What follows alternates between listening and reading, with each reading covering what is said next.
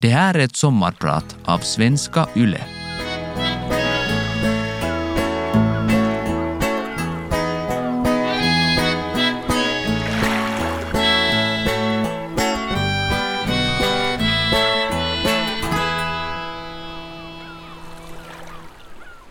Vi kom körande ner för Hollywood Hills mot Sunset Boulevard.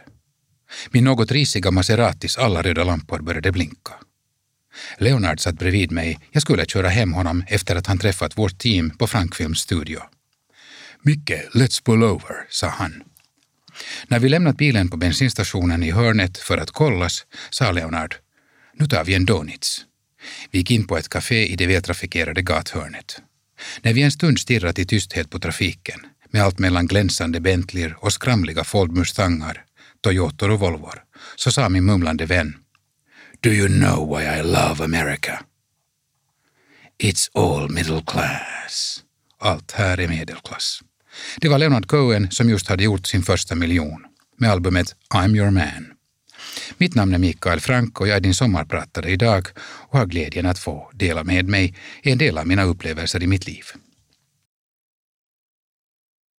Och återkommer till denna otroligt fina och samtidigt både intensiva och anspråkslösa människa som kom att bli en viktig vän under mina fem år i världens självmedvetna maktcentrum som går under namnet Hollywood.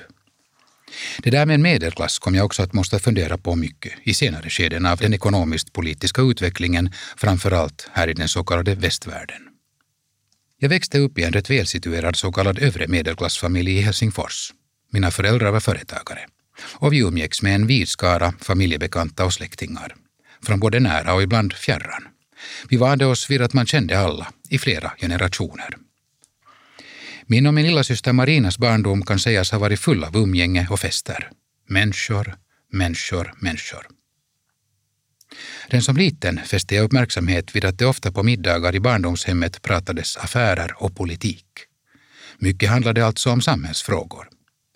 Oberoende om det var seglarvänner, pappas frimurarbröder, affärsbekanta eller släktingar, som var hemma hos oss eller vi hos vänner. Ibland var det bara föräldrarna, men ofta också föregående generation, som jag fick lyssna på när det reflekterades kring livet. En något exotisk karaktär bland alla dessa var farbror Emil.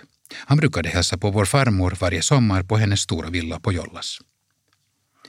Farbror Emil bjöd farmor alltid på kräftor Minns att han brukade hyra en hel våning på det då rätt nybyggda Hotell Vakuna mittemot Glaspalatset i Helsingfors centrum. Inte långt ifrån Stockman, som man sa det på den tiden. Farmor berättade att de satt där på tu man hand i någon sal med mycket betjänter eller personal som uppvaktade dem. Oftast kom farbror Emil efter farmor från villan med en privathyrd stor båt från stan. Men en sommar kom han med andra medel från Danmark. Han kom till Finland med sin bil och chaufför. Vi skickades med min kusin Stefan för att möta farbror Emil. Vi gick cirka en kilometer fram till en större vägkorsning där på Jollas och mötte den långa Rolls Roycen. Sen fick vi sitta i det långa baksätet med farbrorn som rökte cigarr. Jag frågade vad det är för ett skåp som vi hade mitt emot oss. Då öppnade han dörren och sade att det är barskåpet för att jag ska kunna ta mig min whisky. Detta var allt något absurt, i synnerhet här mitt i skogen. Trots den gropiga skogsvägen lyckades denna långa, något skogsfjärmade silvergråa bilmodell Phantom 4 till slut komma fram till berget ovanför farmors villa. Jag kommenderades att sitta i den feta gubbens famn på glasverandan och ta emot de enorma cigarrökmolnen han blåste ut. Och enligt vad de äldre senare påmint mig om, att denna unga pojke måste lära sig vad livet handlar om. Alla skrattade. Man fick inte hosta. Vår morfar, Uno, var uppvuxen in till glasbruket Iittala. Hans pappa var en från Sverige inflyttad glasmästare. Morfar blev själv företagare, skogsexportör med ett stort kontaktnät i Mellanöstern. Morfar var fram till kriget baserad i Viborg, där också vår mamma var född. Under kriget kom han, det vill säga måste han komma, till Helsingfors. Han kallade sig Klappikauppias, klubbhandlare. Glömmer inte hans bestämda direktiv redan från tidiga barnaår.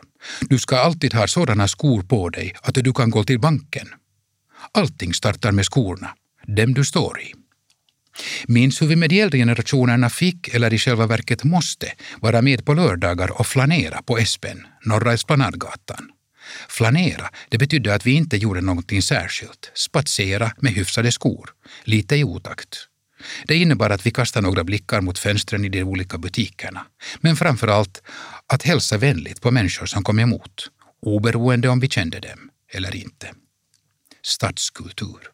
Ibland stannade vi för att ta en kopp kaffe eller en kopp te eller kanske en drink i något av kaféerna eller restaurangerna längs stråket. Vi barn fick kanske en glass. Men på tal om hur man beter sig och hur man ser ut, i denna konstellation av att till sin identitet just vara företagare, så fick vi av familjens danskfödda företagarvän Åge Måstgård lära oss att när firman går dåligt, då köper man en ny bil. Taktiken var väl där att svagheter visas inte utåt. Och för små och varför inte för stora entreprenörer så kan just företaget, yrket, kallet, näringen vara lite som en egen darling, ens hela liv på något sätt, kanske ibland för mycket. Detta med att vara företagare hängde alltid ihop med det sociala nätverket. Och middagarna var det viktigaste limmet. Den sammanförande kraften för möten, diskussioner och nya idéer. Mina föräldrar älskade att ordna middagar. För värdinnan, vår mamma, var stunden just innan gästerna kom den viktigaste. Det var då man skulle lugna ner sig och säga att kronljusen brann och att Frank Sinatras röst hördes i salongen. Att det kändes lugnt och välkomnande, städat och snyggt, uttryckligen tamburen och hallen intill. För det är där gästerna får sin första upplevelse. Men den trygga borgerliga idyllen, som ända fram till dess funnits i vårt föräldrahem, kom att utmanas då vår pappas företag fick svårigheter. Det handlade primärt om den så kallade oljekrisen, vilket för tankar och minnen några steg längre tillbaka i familjehistorien. Vår mamma hade som sina två syskon skickats utomlands till internatskola.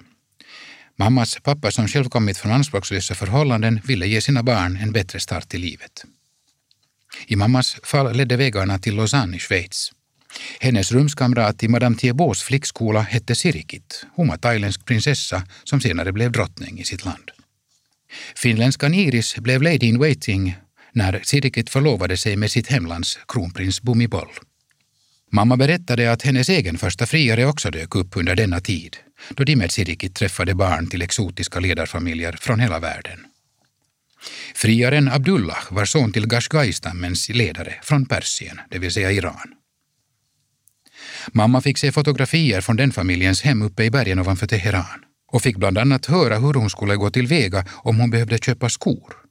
Då skulle stadens skobutiker komma upp till Hanschatået för att presentera olika vackra skodon för damen i huset. Damer från ett sådant hus skulle inte själv behöva, eller det vill säga få, ta sig ner till stadscentrumet för att prova dem. Av formella orsaker, men också av säkerhetsskäl. Men det blev nog sen så att vår mormor inte godkände att hennes dotter skulle bortföras av en exotisk man från fjärran. Mormor var jordnära, hon härstammade från de mycket företagsamma familjerna Skog och Lindros från Hangö och Bromarv. Det var exempel på bara en av våra familjehistorier, de som har gjort mig bekant med olika absurda svängar i livet och visat att allting är möjligt. Men nu mot medlet på 70-talet skedde något av en bisarr kedja av händelser i vår familj. Europa drabbades ekonomiskt av att de ledande oljeproducerande länderna, Saudiarabien och Iran, började köra upp oljepriset. Det här ledde till nya ekonomiska utmaningar i alla västländer. I vårt liv hemma i Helsingfors kändes det genom att våra föräldrars importföretagarverksamhet höll på att krascha. De jobbade hårt, de kom hem för att äta middag men återvände sen till jobbet och kom hem igen först sent på kvällen. När jag själv kom hem från skolan och de politiska mötena så brukade jag utanför hemdörren räkna upp fem teman varav alltid minst ett skulle vara positivt för dagen. De var föräldrarnas och den egna ekonomin, skolgången, politiken, flickvännerna, kompisarna. Något överraskande var att man på utrikesministeriet fått informationen om att vår mamma från sin skoltid i Schweiz kände medlemmar av persiska hovet och flera ledande familjer i Iran. Nu sökte man på utrikesministeriet medel för att kunna bygga upp relationerna till dessa ekonomiskt växande oljeländer. En utmaning var att hitta en stark handelsorienterad diplomatrepresentant till Finlands ambassad i Teheran för att exporten till detta ekonomiskt så starkt växande land skulle fås igång på allvar. Processen gick snabbt. Vår pappa utnämndes till handelsrepresentant och skulle också senare under flera års tid ensam axla ansvaret för Finlands ambassad i Teheran. I slutet på 1975 parkerade två långtradare utanför vårt hem på Bergmansgatan i de välmående kvarteren intill Brunnsparken i Helsingfors. En stor del av vårt barndomshem kördes ner till Teheran, en cirka 7000 kilometer lång väg genom bland annat Turkiet. Har själv kört sträckan av och an flera gånger efter det. Verkligheten hängde ändå över familjens ekonomi. Skulder avbetalades i flera år. Vår mamma hade valt att stanna i Finland och hysa diverse underhyresgäster, bland annat mina politiska kompisar Peter Stenlund och Esa Härmälä, och även trygga någon sorts ekonomi med att städa på Sverigebåtarna. Och vitsen var att hon hade kort väg till jobbet på Olympiakajen. Färjorna var bara hundra meter ifrån hemmet på Bergmansgatan, som vi fortfarande bebodde. Vår mamma skämtade med att detta hyttstädande var effektivt, just tack vare att de med cirket fått en så bra skolning i den elitistiska internatskolan i Lausanne och att hon just därför kunde ta hand om hytt och toalettstädningsjobbet. Ofta präglat av spyor och annat klott. Något absurt, men c'est la vie, sånt är livet. Men ett år senare flyttade också mamma till Teheran. Våra föräldrars och hela familjens liv i Teheran kom att börja påminna om en fantasiberättelse av något slag. Föräldrarnas uppdrag pågick i tio år som diplomater och efter det med privatrepresentation för den finländska och nordiska exportindustrin. Drygt 20 år efter att vår mormor hindrat sin dotter från att flytta till Teheran bodde dottern där. Och gamla vänskaper återknöts. Middagarna bara växte. Föräldrahemmet var hela tiden bevakat av poliser. Själv och som så att säga ungdom i huset fick jag vara med om en mängd magnifika middagar, både i föräldrahemmet och på olika storresidens. Både kring den kejserliga shahens hov med vänner och andra närstående och på olika ambassadörers residens. Bäst minns jag kanske ändå mina föräldrars partyn. Vår mamma som en sorts drottning. Cocktailentré, barservering, tal, dansmusik till både orkester och diskoskivor. Jag minns att mamma i något skede hade en idé tillsammans med Armin Ratia om att flyga ner varma färska karelska piroger till Teheran, bjuda på champagne och introducera Marimekko där. Vi hade ett skidchalet i Alperna ovanför Teheran där det fanns snö långt in på våren och från tidigt på hösten. Livet i Teherans välsituerade kvarter var under shahens tid som en sorts partyupplevelse av Paris eller New York. På privata fester och före revolutionen också på restauranger där det serverades alkohol och man fick dansa öppet i nattlivet.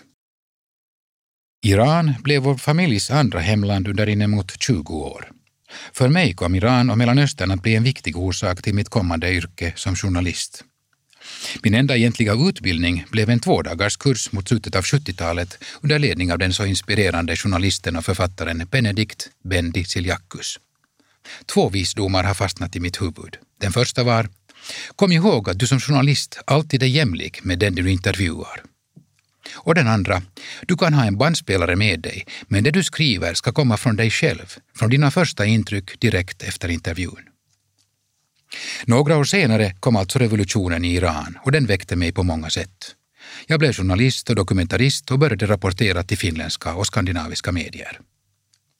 Filmernas teman var starkt bundna till den växande konflikten mellan den allt rikare västvärlden och en ny islamisk resning. I all sin absurdhet handlade privatlivet för vår familj och mig alltid på något sätt ändå också om middagar, fester och dans. Den islamiska revolutionen i Iran år 1979 innebar att säkerheten blev en ny typ av utmaning för alla västerlänningar i stan. I själva verket häktades vår pappa redan den andra revolutionsnatten, i feber och i pyjamas. Som diplomat. På föräldrarnas stora stålport hade någon målat domorden Taguti, som betyder ungefär elitförgiftade. Om sin natt i häktet sa pappa senare att jo, nu härjade de lite med mig, men andra hade det mycket värre. Många vänner till föräldrarna som stått nära shahens familj blev avrättade. Men trots allt fortsatte festerna i föräldrahemmet. De började till och med växa. Över hundra gäster kunde komma på middag. Jag tyckte att livet började likna Hotell Olofsson på Haiti i Graham Greens roman Komedianterna.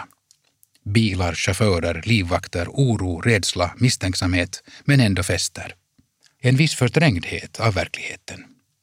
Jag minns en gång då vi dansade efter en stor middag i den rymliga salen och musiken spelade så högt att vi inte hörde bomberna. En av de duktiga människorna som jobbade i köket och med servering kom fram till mig på dansgolvet och berättade att det kommit ett telefonsamtal till mig. Fick tag i luren och det var TV-Otisets utrikesbord som ringde. Micke, Teheran bombas och du har inte skickat någon rapport. Jag gick upp på taket till vår stora villa på bergssluttningen och såg anfallet som riktade sig mot oljeraffinaderiet långt nere i dalen, söder om stadens slumkvarter. Jag ringde in en kort telefonrapport trots att dansmusiken dånade under mig. Det var från skivan jag hämtat från Europa, det var Culture Club. Jag heter Mikael Frank och jag är din sommarpratare idag. Krig leder till många slag av katastrofer. Det tar bort människans fokus från vad som på riktigt är viktigt. Rapportering och en växande synlighet hos den egna hemmapubliken odlade det som idag elakt och ibland med orsak kallas narcissism. Jag drabbades också av detta, en slags destruktiv självupptagenhet. Under den här tiden förlorade jag också mitt ansvar som pappa till två unga pojkar. Lockelsen i att vistas allt längre i Mellanöstern och göra sensationella nyheter och rapporter tilltog, även om det stegvis blev allt mera en fas också på det dokumentära. En dag kommer jag till föräldrahemmet efter att ha filmat irakiska krigsfångar och min mamma överräcker ett brev som har kommit med diplomatposten. Mitt äktenskap med mina barns mamma var över. Jag satt och funderade och jag fattade kanske inte då vad livet som frånskild pappa skulle kräva av mig. Men jag stannade kvar i den oroliga och för många något skrämmande Mellanöstern. Faran, spänningen, blev också en del av upplevelsen som man kanske lite sökte efter. Så många av de journalister som jobbade i krigsområden. Egentligen är det svårt att beskriva upplevelserna och filmandet vid själva fronten, för att det är helt overkligt. Människor som stått eller promenerat bredvid mig trampar på fel ställe, en landmina, och dör omedelbart. Det blir inte mycket kvar efter en sån smäll. Vi flydde gasmoln och sökte skydd under klusterbomber, i diken under marken. Ibland klängde jag fast mig i helikopterskenor och hjul för att komma undan. Men det var i Beirut, på en filmningsresa där, som jag blev väckt från detta krigsrus. Jag befann mig på den legendariska nattklubben Backstreet. Dit kom många av de välbärgade klan och krigsledarnas ungdomar. Jappar och brudar i åldern mellan 25 och 40. Där festades det på nätterna i diskomusikens takt. Och på morgonen fortsatte krigandet. Mitt under dansen säger en kvinna jag börjat tala med. Vad gör ni korrespondenter här? Ni har ingen uppfattning om vad vi på riktigt går igenom. Ni är bara hjältar i ert eget land. Hon hade rätt. Jag började fundera allt mer på hur man på ett annat sätt kunde hantera dessa uppseglande laddningar mellan syd och nord, eller öst och väst, hur man nu svänger på de geografiska cyklarna. Jag ville hitta ett sätt att nå en bredare publik än den man når med en dokumentärfilm. Idén till en tecknad film vaknade. Den skulle handla om Söderns pojke Sinbad och Nordens flicka Aino, som med sin vänskap förhindrar denna planet från att förstöras av ett förödande krig mellan sina kungariken. Det skulle bli en berättelse från något skede i mänsklighetens historia. Om människor som gör någonting, någonting uppbyggande. Jag utvecklade tanken med en ny filmbekant i Teheran. Han hette Hassan. Jag kom hem till Finland och började samla in finansiering och fick via släktingar, vänner och bekanta hjälp med att samla en bas för projektet. Finlands filmstiftelse och YLE lovade ställa upp med en viktig summa bara jag kunde få tillräckligt mycket riskkapital. Då kom jag att tänka på den före detta politikern, senare bankchefen Ulf Sundqvist, som jag beundrade. Vi kände varandra från 70-talet. Det var svårt att få kontakt med honom. Men hans assistent gav mig ett tips. Hör du, Uffe är på Ronald Reagans mottagning i Finlandiahuset nästa tisdag. Om du har en inbjudan, så ryck honom i armen där. Jag hade en inbjudan, men var egentligen på väg till Paris på en arbetsresa samma eftermiddag. Jag tog mig ändå till Finlandiahuset, där jag fick syn på Uffe. Jag trängde mig fram till honom och halvviskade tre meningar om mitt ärende, varpå han sa Okej, kom till mig nästa tisdag halv tio. Jag tackade och rusade ner där jag fått Säkerhetspolisen att hjälpa mig att komma snabbt ut till flygfältet genom de starkt bevakade skyddsmurarna som satts upp eftersom den amerikanske presidenten var i stan. Presidenterna missade jag, men mötet med Uffe var överenskommet. Och banken Arbetarnas Sparbank kom med i Sindbad-projektet. Jag tänkte först att vi skulle genomföra projektet i Europa och fick sympati för detta av starka krafter på den här kontinenten. Men min iranska producentkollega Hassan var inte övertygad. En dag frågade han mig om jag kände någon i Hollywood. Då slog det mig att jo, jag träffade en jappe på filmmässan i Cannes. Phil Mendes hette han. Jag ordnade flyg och visum och Hassan flög till Los Angeles. En vecka senare ringde han mig. Micke, även om Gud säger att vi inte ska föra projektet till Hollywood så måste vi göra det. Så sa alltså min iranska vän och närmaste medarbetare. Nu måste jag också själv flyga till Los Angeles och ta mig in till detta märkliga film och underhållningscentrum Hollywood. Vi var på en världserövringsresa och jag visste att om jag skulle flytta till detta land så måste jag först hitta en jurist och sedan snabbt bygga upp ett kontaktnätverk. Jag hade två möten framför mig. Den ena var med en världskänd sångare som fått höra om projektet. Det andra var med en nästan lika känd jurist, Max Factor 3, sonsonen till sminkkejsaren, som min vän Pekka Karhuvaara från finska konsulatet hade kopplat ihop mig med. Max lyssnade på min berättelse och meddelade. Jag blir din jurist och ser till att vad du än kommer att göra här i Förenta Staterna så sker det i enlighet med lagen. Sen körde jag med min hyrbil till det andra mötet, till Leonard Cohen, som bodde i det charmiga Sunset Park mellan Beverly Hills och det ännu då rätt nedkörda downtown Los Angeles. Leonard hade fått höra om Sindbad-projektet och hade bjudit mig hem till sig. Han bodde i andra våningen i ett rätt anspråkslöst hus tog vänligt emot mig, bjöd på vodka med is och spelade några låtar han jobbade med. Sen sa han. Jag gillar ditt projekt, men glöm allt du har gjort hittills. Jo, du kan referera till dina dokumentärpris från Europa för att få arbetstillstånd här. Men det här är Hollywood, ingen bryr sig om vad du gjort någon annanstans.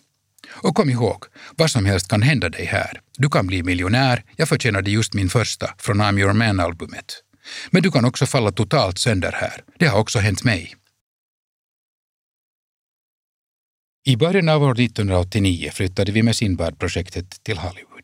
Med kom förutom iranierna med familjer fyra unga finländska begåvade serietecknare. På plats och ställe anslöt sig till teamet förutom nämnda Phil Mendes bland annat den respekterade bakgrundsmålaren Walt Peregoy, en av två nyckelskapare av Disneys legendariska film 101 dalmatiner. Följande år fick vi med oss bland annat Blues Brothers-regissören John Landis för att regissera Sinbads och Ainos berättelse. Jag hade tillsammans med min sambo Susanna bosatt mig i en villa strax norr om Sunset-strippen. Uppe på den rätt branta sluttningen med utsikt över hela Los Angeles i öster, ut till havet till väster. Där hade vi tillsammans med grannarna en fastighetsskötare, en något märkvärdig liten holländare vars namn jag nu glömt, men som cirkulerade mellan dessa olika gamla Hollywoodstjärnors hem. Han ville då och då påminna mig om att jag borde bli bekant med den närmaste grannen upp mot berget, det var Barry White. En söndagsmorgon kom den lilla fixarmannen och ringde på porten. Han insisterade att grannen Barry nu ville träffa mig och att jag med detsamma skulle komma upp till honom. Nå, jag gick. Men då jag kom in i trädgården satt denna stora man i bara shortsen på sin simbassängskant och stirrade med glansig oklar blick ner i vattnet. Han bara blängde. Han var drogad. Där satt den drogade grannen Barry White med fötterna i sin bassäng. Jag begrep att mannen inte var i bästa skick. Fixarjappen bredvid mig bara flinade. Jag sa väl några vänliga ord, önskade att vi någon gång skulle ses igen, kanske på nykter fot, och gick hem ner för backen. Vi sågs aldrig mer, Barry Whites liv blev rätt kort. I Hollywood är världen både stor och liten. Jag fick träffa och arbeta med fantastiska manusförfattare och regissörer. Ett annat möte var med sångerskan Dionne Warwick, som levde ett dramatiskt liv med droger och motgångar. Hon kom tillsammans med brottaren Hulk Hogan till en söndagslunch hos en gemensam väninna som bland annat skrev Dians sånger. Hulk sa till mina söner Arthur som var tio och Edvin som var nio, som var med, Hey boys, stay out of trouble. Pojkar, undvik elände. Dionne Warwicks eget liv kom att bli något av en serie katastrofer. I vuxen ålder deklarerade denna världsstjärna bland annat personlig konkurs. Hollywood var och är ett motsatsernas säte. De som står på scenen är ständigt under ett slags hot. Först superpopulära, med mycket pengar och kramar och hyllningar, för att följande dag vara slavar under droger, ensamhet och besvikelse. Hollywood var en slags mänsklig krigsföring med stora egon, narcissism sammankopplat med framgång. För mig blev det också så här, en upplevelse att vara i kläm mellan framgång och misslyckande. Våra ekonomiska utmaningar i Hollywood hade sina rötter i Finland, där man i början på 90-talet genomgick en ekonomisk katastrof och depression. Finland kraschade och Sinbad-filmens huvudfinansiärer gick omkull. I nästan två år kämpade vi med att hålla projektet igång med konstgjord andning. Men de ekonomiska svårigheterna som Finland gick igenom drog oss också ner till slut. I mitten på 90-talet återvände jag hem. Allt har sin tid. Jag var 39 år gammal, hade gjort en miljonkonkurs och fått miljonskulder efter att ha undertecknat personliga garantier för att kunna trygga en del av finansieringen. Sagolivet var över. Den biten saknar jag ändå kanske minst. Men värst var skammen. Över att ha kommit tillbaka till Finland med svansen mellan benen och möta anklagande, fördömande blickar. Familjen blev extra viktig för mig, speciellt mina föräldrar som också just då återkommit från Teheran, efter att de till slut hade blivit tvungna att ge upp där. Jag fick uppmuntran också av både syster och kusiner. Vår mamma, som i sitt liv gång på gång genom flera motgångar hade klarat av att komma på benen och också värdesätta motgångar som en del av livets betydelse, sa alltid till oss Kom ihåg barn, solen syns inte utan skuggan. Jag tog en ny start och satte igång med nya dokumentärer om Finlands historia. Till premiärvisningen för Hiljaisten vuosien miehet, De tysta årens män, kom självaste president Martti Ahtisaari. För att denna kontakt, som jag kunnat fördjupa en del under åren efter det, uppstod kan jag också tacka min gamla bekant allt sedan 70-talet, Alpo Rusi, som hade blivit presidentens specialrådgivare. År 1998 blev jag bjuden till Slottsbalen. Min äldsta son Arthur körde mig i snöslasket till balen i min trasiga Range Rover.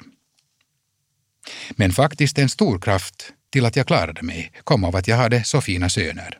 När jag kom tillbaka hem till Finland flyttade de hem till mig och jag fick en chans att återknyta förhållandet. Stark uppmuntran fick jag också av pojkarnas mamma och hennes familj. Och det var också deras familjeberättelse, historien om familjebolaget Ahlström, som skulle bli starten till Frank Medias långa serie på mer än hundra dokumentärer om familjebolag och företagande. Jag fick en chans att sakta men säkert bygga upp mitt levebröd som dokumentarist. Nu på ett lite annat sätt än tidigare. Självförtroendet kom stegvis tillbaka. Men 25 år efter konkursen i Hollywood kom följande motgång. Frank Media gick omkull. Vi jobbade hårt, men med alltför stor ambition. Det blev ekonomiskt ohållbart. Och jag känner att det denna gång var mera mitt eget fel än på grund av yttre omständigheter som tidigare. Vi hade startat en ny framtidsserie som fick två internationella vetenskapsfilmpriser. Men finansieringsbasen för projektet var för smal och konkursen var ett faktum. Livet handlar alltid om både underbara upplevelser och framgångar och om krascher och motgångar. Om ljus och skugga, som vår mamma sa. Eller, livet är ett stort äventyr som vår pappa brukade säga. Även om jag aldrig gjort några pengar och nu hunnit krascha både som ung och som lite äldre har jag fått jobba med passion och intensitet. Jag har fått vara med om ett oerhört spännande liv som fortsätter. Tack vare min familj föräldrar och tidiga generationer och alla de fantastiska människor som finns i min nya expanderade familj idag. Med barnen och deras mammors nya partners, barnbarnen och deras föräldrar och många mentorer och naturligtvis både gamla och nya vänner.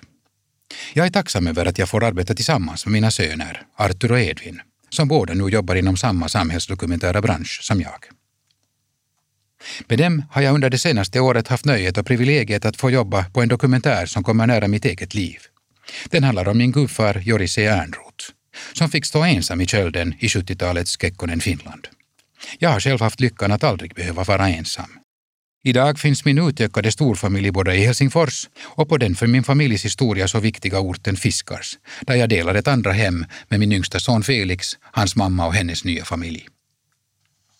Mitt namn är Mikael Frank. Jag har varit din sommarpratare idag och vill tacka för mig med en önskan om en inspirerande sommar.